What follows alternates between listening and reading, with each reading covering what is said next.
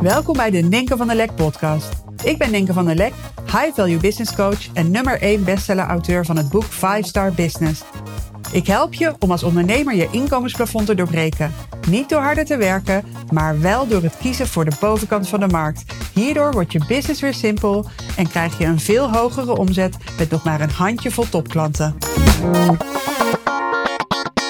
Afgelopen zomer, in augustus, kreeg ik voor mijn verjaardag van uh, Floris, mijn man, een heel mooi verjaardagscadeau. En dat was uh, samen een tripje naar Zuid-Frankrijk. Um, en naar een plekje waar de ouders van Floris jarenlang een huisje hadden. En dat is een soort pareltje. En um, een pareltje omdat het echt een oesterwalhalla is. Het is een uh, plek wat echt tussen de oesterbanken ligt. En uh, als je me al uh, langer volgt en als je me al langer kent, dan weet je dat ik hou heel erg van oesters hou. En um, ja, die plek is daar helemaal mee verbonden. Dus um, ook toen die jongens klein waren, gingen we daar vaak heen. En hoe klein ze ook waren, ja, iedereen bij ons houdt van oesters. Dus uh, dat was natuurlijk altijd uh, dikke pret daar. Want uh, ja, het kost ook helemaal niks. Je hebt daar ook van die hele kleine, uh, ja, hele kleine winkeltjes. Dat is eigenlijk gewoon dan even een, een toonbank. je kan niet eens echt naar binnen lopen. Dus je, alleen een toonbank waar je dan oesters kan bestellen. En dan krijg je dan gewoon in zo'n plastic zakje mee. En het kost echt helemaal niks. En dan heb je ergens anders heb je een... Um, een uh, wijnhuis, maar dat klinkt eigenlijk al te groot. Een soort industriële schuur. En daar kan je, dat is wat we dan vroeger deden, met de lege waterfles heen om wijn te tappen. Echt de lekkerste wijn. Piekpoel de Binet. En dan zaten we daar lekker met uitzicht op zee en de oesterbanken, die verse oesters te eten. En een glaasje uh, wijn erbij, uh, kindjes klein, iedereen happy. Altijd iedereen helemaal happy van de oesters.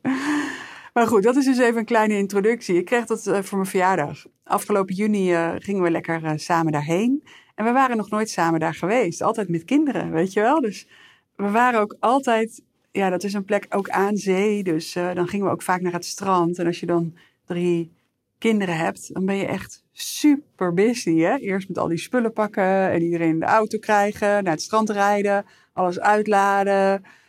Uh, er is altijd wel gedoe. Uh, op de kinderen letten. Niet iedereen heeft nog een zwemdiploma. En ook al hebben ze een zwemdiploma, de zee is soms wild. Dus uh, toch oog in het cel houden. Dat je zo, wij spraken altijd zo af. Om en om konden we dan even uh, tukken of slapen. En de ander was dan aan het opletten het hele idee van luiers verschonen op het strand met al dat zand en hitte. En nou goed, die herinneringen kwamen al allemaal terug. En misschien ken je het wel als je zelf oudere kinderen hebt, dat je echt denkt: wow, heb ik dat allemaal gedaan? Ja, dat hebben we allemaal gedaan. Maar nu waren we lekker met z'n tweetjes daar. En het was ook buiten het hoogseizoen. Weet je, normaal waren we daar altijd alleen maar in schoolvakanties. Nu is buiten, waren we met z'n tweetjes buiten het hoogseizoen. En het was ook nog niet zo bloody hot. Uh, en de oesters waren echt zalig. Dus elke dag uh, uh, minimaal twee keer oesters eten en genieten van het strand. En nou, gewoon heerlijk. Maar we gingen op een gegeven moment naar een plekje waar een heel bijzonder restaurant is. Want um, in dat hele gebied kan je dus overal coquillage eten. Dus oesters, garnalen, mosselen. En het is vooral, het is eigenlijk heel puur. Dus het meeste eet je gewoon rauw. Um, oesters en de mosselen.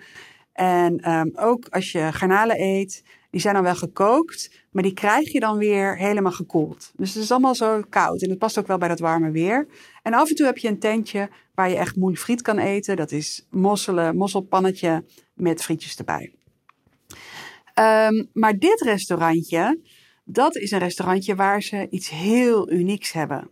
En dat is dat ze houtvuur hebben, dat stoken ze op. Dat is al gewoon heerlijk om ze daarmee bezig te zien. Er zit heel veel werk in om echt van echt hout, um, ja, dat allemaal, dat dat echt allemaal helemaal heet wordt en kooltjes worden. En dan op die kooltjes ligt een hele berg mosselen. Dat is dus langzaam aan het garen. En dan doen ze er ook nog een of andere heerlijke brut overheen. Met knoflook en uien en weet ik het allemaal wat. Tomatensaus. En dat ligt daar dan helemaal te stoven. En dat is een hele happening. En ja, dat is ontzettend lekker. Dus dan eet je mosselen met die eigenlijk rokerige smaak. Echt heel erg uniek. En ja, dat is gewoon iedereen die daar komt. Dat tentje zit helemaal vol. Dus je moet ook echt reserveren. En iedereen wil ook die mosselen. En je eet daar ook lekker oesters bij. Je neemt ook lekker nog wat garnalen. Iedereen eet daar die mosselen. En nou, we hebben daar heerlijk geluncht. En uh, volgens mij uh, betaal je dan voor die mosselen um, ehm, 16 euro per kilo of zo. Dus je krijgt per persoon een kilo. Dat is zo'n pannetje. Daar doen ze het dan en scheppen ze het dan in. En dat is volgens mij 16 euro. En we hebben daar heerlijk gegeten. Weer zo'n lekker glaasje Pipoule Pinet erbij. En um, we lopen naar buiten. En ik zie dat de buren ook mosselen hebben. Ook een groot vuur met mosselen. En dat was eerder niet. Dus ik denk van, hé, hey, dat is ook een nieuw tentje. Maar wat opvalt, daar zat gewoon anderhalve kip binnen. Terwijl het tentje waar wij aten, dat was bomvol. En wat zie ik daar? Er staat een bord, reclamebord, voor dat tentje. En daar staat op 1,2 kilo mosselen voor 14,50. Dus je krijgt meer, je betaalt minder. En toch was het daar zo goed als leeg. En dit is interessant, hè? Dus dat oorspronkelijke restaurantje waar wij hadden gegeten, komt met dat idee van die mosselen. En dat is echt, ja, het is gewoon een hele belevenis als je daar zit. En met zoveel aandacht maken ze het lekkerste van het lekkerste. En de buren denken, ah, dat werkt. Dat gaan wij ook doen. En wij willen ervoor zorgen dat die klanten voor ons gaan kiezen. En dat doen we door ze meer te geven en ze minder te laten betalen. En dit is wat veel ondernemers, zeker ondernemers in de middenmoot en in het lage segment, doen. Ze denken dat ze kunnen winnen door goedkoper te zijn dan de anderen. Maar in dit geval, door deze actie, wordt voor mij persoonlijk dat tweede restaurantje veel minder aantrekkelijk. En nu leer ik ondernemers natuurlijk om de nummer 1 te worden voor de bovenkant van de markt. En voor de bovenkant van de markt is deze strategie heel onaantrekkelijk. Want ik ga lekker mosselen eten daar. Ik wil gewoon die mosselen. Ik wil die liefde. Ik wil die waarde. Ik ben helemaal niet bezig met wat kost het eigenlijk. Ik ben helemaal niet bezig met hoeveel krijg ik eigenlijk. Ik ben bezig met ik wil daar zijn. Want daar is een concept waar ik in geloof. Daar is een energie die me aantrekt. En geld is gewoon een bijzaak. En het laatste wat je moet willen is de goedkoopste zijn. Als dat je strategie is, dan trek je dus mensen aan die jou kiezen op basis van het goedkoop zijn. En als jij goed bent in je vak en als jij gewoon vindt van ja, ik verdien gewoon het beste. En als jij met klanten wil werken die zichzelf ook het beste gunnen, maak die prijs. Ja, dat klinkt een beetje tegenstrijdig. Van eigenlijk moet je die prijs ondergeschikt maken. Weet je, dus focus op de waarde. Focus als je een dienstverlenende ondernemer bent op de transformatie die mogelijk wordt. En zorg ervoor dat die prijs allesbehalve goedkoop is. Zorg ervoor dat die prijs hoog is, zodat je het juiste publiek selecteert. Het is echt een selectiemechanisme. Het publiek wat bereid en in staat is om deze hoge prijs te betalen.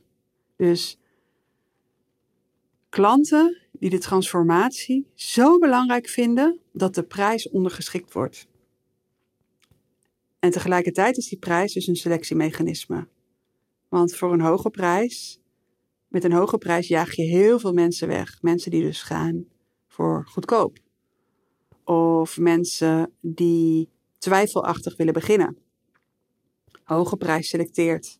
Selecteert mentaliteit. Selecteert commitment. En selecteert ehm, ja, de focus die mensen hebben. En ik denk dat als jij goed bent in je vak en jij voelt, ik ben gewoon het waard om meer te verdienen, om veel te verdienen. Ik wil mijn leven een gouden randje geven. Ik wil het beste kunnen leveren. Ga staan voor die prijs en ga staan voor de fijnste klanten. Dankjewel weer voor het luisteren en tot de volgende podcast.